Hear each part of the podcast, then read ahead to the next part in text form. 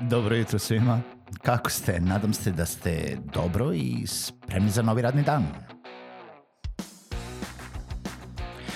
Pozdrav svima i dobrodošli na podcast Male pobede, stari novi podcast koji, well, koji je tu da bi vam kroz pitanje i savete dao motivaciju, pokrenuo vas u pozitivnom smeru i pomogao da ovaj dan počne bolje, jače i možda čak i zabavnije. Moje ime je Željko Crnjaković.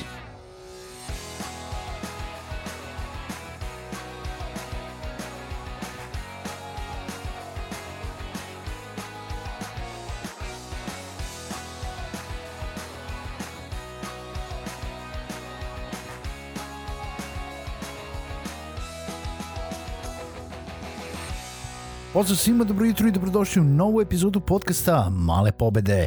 Drago mi da ste i ovu epizodu sa mnom, nadam se da izločite neke vrednosti iz uh, podcasta Male pobede, nebitno da li je to za digitalno poslovanje ili za neke savete vezane za kreiranje sadržaja, podcasta, videa ili bilo čega drugog. Pozivam vas da posetite sajt malepobede.rs, da se prijavite na newsletter ili da podržite podcast putem Patreona na www.patreon.com kroz male pobede. E, danas želim da pričam sa vama kada kreiramo sadržaj zapravo veoma je bitno da nekako možemo da pratimo analitiku, ko to čita, kad čita, kako čita, odakle čita, koliko ljudi čita. Mislim, realno čim izbacujete neki sadržaj, nebitno da li je to za vaš brand ili za sebe ili za hobi ili za posao ili za bilo šta drugo, izbacujete zato da bi drugi ljudi čitali.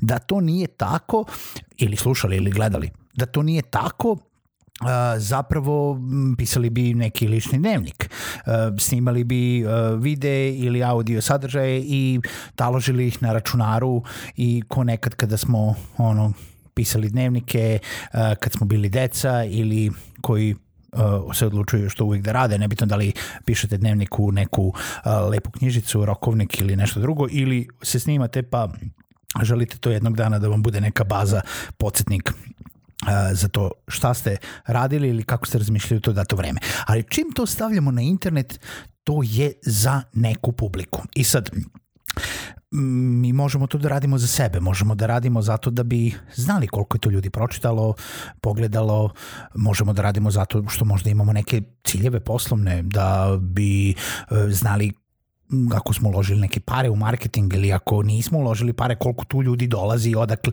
gde su otišli posle toga. Ili ako to već radimo zato da bi posle monetizovali taj neki sadržaj, zato da bi mogli da pokažemo nekim potencijalnim brendovima, nekim potencijalnim e, ljudima koji žele da se oglase kod nas na sadržaju, opet kažem nebitno kojeg je formata, neku analitiku da kažemo, e, toliko i toliko ljudi čita taj sadržaj, to je neka demografija ljudi, a demografija znači ono odakle su, koliko imaju godina, šta ih interesuje, znači moramo da imamo tog nekog uh, e, prosečnog slušalca, prosečnu publiku, zašto bi se ljudi oglašali dešavali kod nas, jer sve to uh, jel, te ljude zanima, a prvenstveno treba da zanima vas.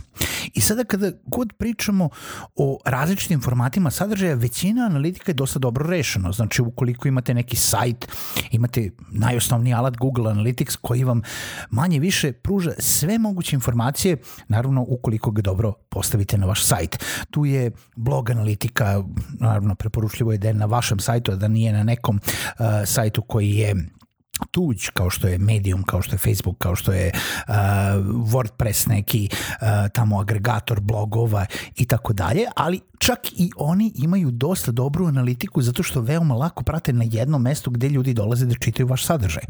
Ukoliko pričamo o video sadržaju, to je najčešće YouTube i YouTube ima dobru razrađenu analitiku e, gledaoca, znači jer sve dolazi na taj jedan vaš YouTube kanal, YouTube je zapravo društvena mreža gde vam ostavljaju komentare, gde vidimo koliko ljudi je sletelo baš na vaš klip, koliko dugo ga je gledalo. E, možemo da vidimo, jel da, mnogo detaljnu analizu kompletnog gledališta, naravno e, ta analitika ponekad malo kasni zato što se ne obrađuje u real time-u i što vam je razvijeniji kanal, to će imati jel da, bolju i razrađeniju i detaljniju analitiku zato što ima veći uzorak ljudi sa kojim može da barata. Kao tako. E, kad dođemo do podcasta, tu je već stvar malo, pa, malo sranje. E, zapravo, kod podcast analitike, koja je izuzetno bitna za sve on, nas koji proizvodimo podcast, e, nisu bajne, e, nije bajna situacija i nema dobrih rešenja. Zapravo, ako razmatramo i razložimo gde se podcast postavlja, nije ni čudno jel da, što je tako. Uh, podcast stavljate na neki audio hosting, na primjer, jel da, SoundCloud, Anchor, Sounder.fm, uh, Mixcloud, Podbean, koji god da ima.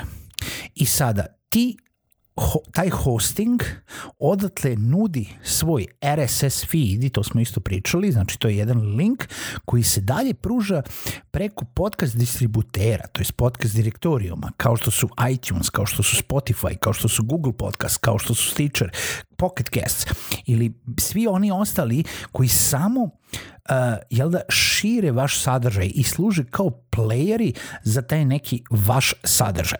I e sad šta to znači? To znači da zapravo ništa od njih nije prvo uh, vaš sadržaj nije hostovan tamo, nego je hostovan na tom jednom hostingu koji ste vi izabrali.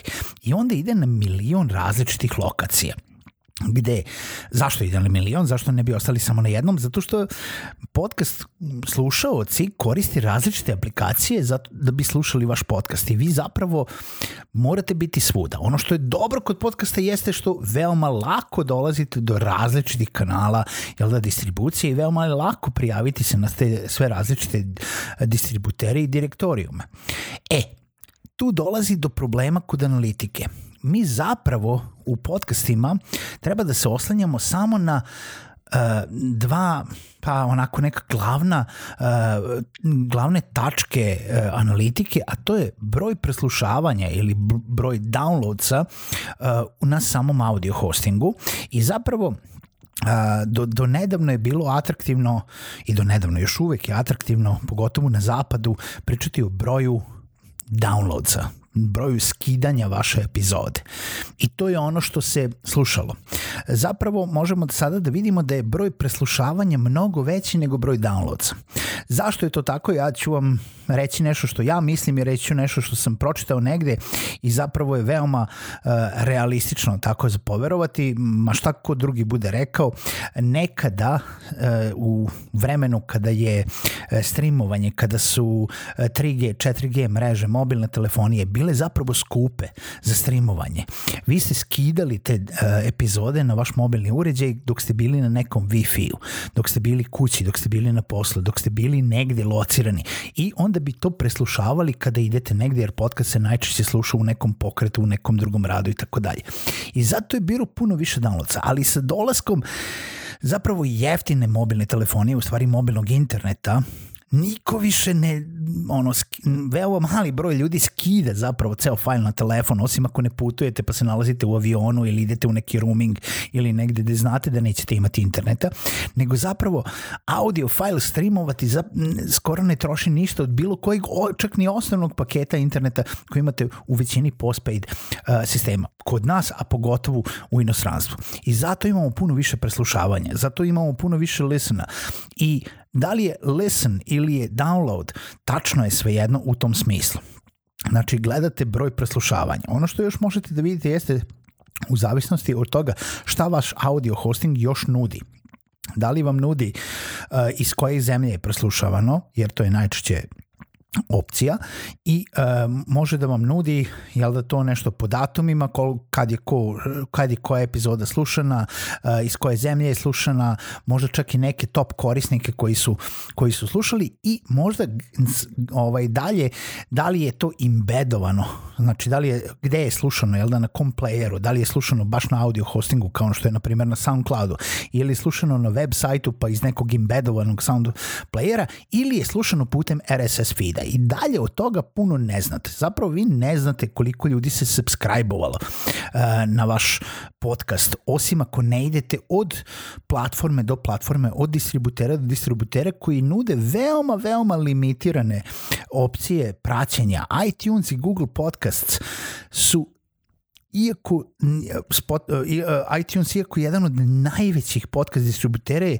trenutno još uvek kada odete na njegov iTunes onaj podcast e, kreator nalog piše da je u beta fazi analitika. Mislim, nakon x godina, znači ako pričamo više od 10 godina, e, to je još uvek u beta fazi analitike.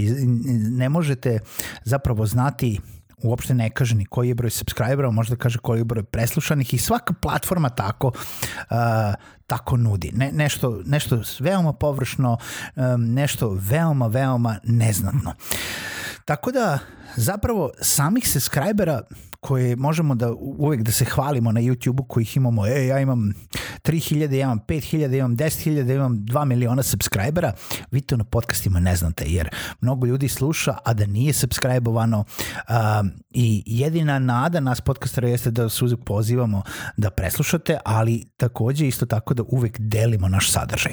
Tako da, ukoliko ste podcaster, obratite pažnju da je najveći fokus uh, analitike na samom audio hostingu. Ukoliko ste video kreator YouTube, ono, YouTube-a se pokrivenim, ono, ih, they got you. So, u principu ne morate puno da brinete oko toga. Ukoliko gledate ono, pisani tekst, e, vaš sajt, već mm, ne, ne bi morao da pominjem, ali da, instalirajte ili nađite nekog ko vam može pomoći da instalirate Google Analitiku. Ali u svakom slučaju, ukoliko kreirate sadržaj i to postavljate na internet, nemojte zanemariti analitiku da znate koliko vas slušaju, čitaju, gledaju, odakle dolaze ti ljudi, putem kojih kanala, a ako ništa drugo, pitajte ih. Ja sam nedavno radio anketu na podcastu Male pobede, saznao sam mnogo cool stvari, mnogo dobrih stvari i zapravo veoma sam vam zahvalan što ste to popunili i pomogli mi da osmislim neki novi sadržaj ili način na koji komuniciram. Eto, mala pobeda za danas, analitika, analitika, analitika za sadržaj, a ako ste podcaster, hosting analitika i ono, tipa, držimo figi da sve uspe jer, nažalost, nije bajna situacija. Čujemo se u narednoj epizodi podcasta Male pobede.